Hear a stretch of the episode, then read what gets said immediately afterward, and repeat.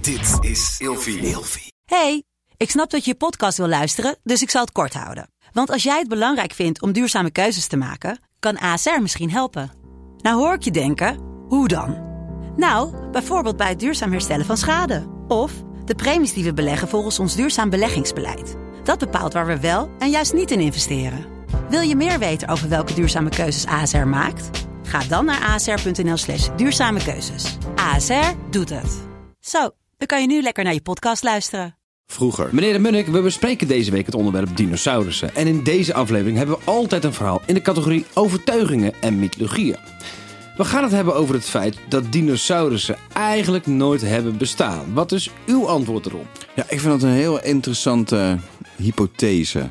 Ehm, volgens mij zijn het voornamelijk Amerikanen die zich hiermee bezighouden. En één Fries. En één Fries. Oh, daar ga je zo wat over vertellen. Dat Nou, is- ik hou me er niet mee Nee, bezig, oké. maar ik denk dat ze niet hebben bestaan. Echt waar? Dat denk ik. Oké, dan wordt dit echt een lange en eh, emotionele aflevering. Ehm, die Amerikanen, die worden zeg maar in hun eigen land ook volledig voor gek verklaard. En ook totaal eh, ja, wetenschappelijk in hun hemdje gezet.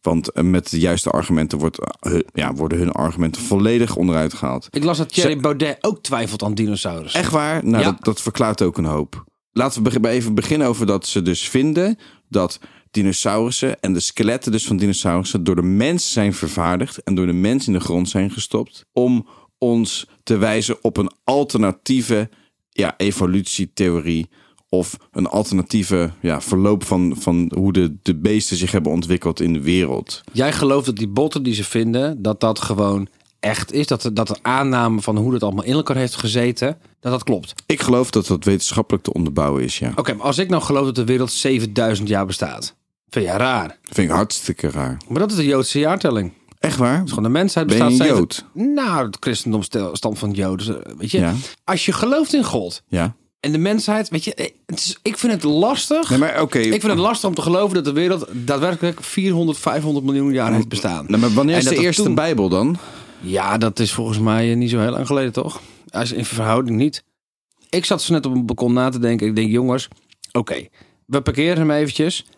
Bestaan dino's wel of niet? Maar ik, weet je, ik, eh, ik, kan er, ik kan het geloven dat dino's bestaan. Maar dat het zo lang geleden is geweest. De Ik aarde denk bestaat al lang. Dat, nou, maar ik denk dat 400 miljoen jaar geleden... Vriend, ik vind een weekend al lang.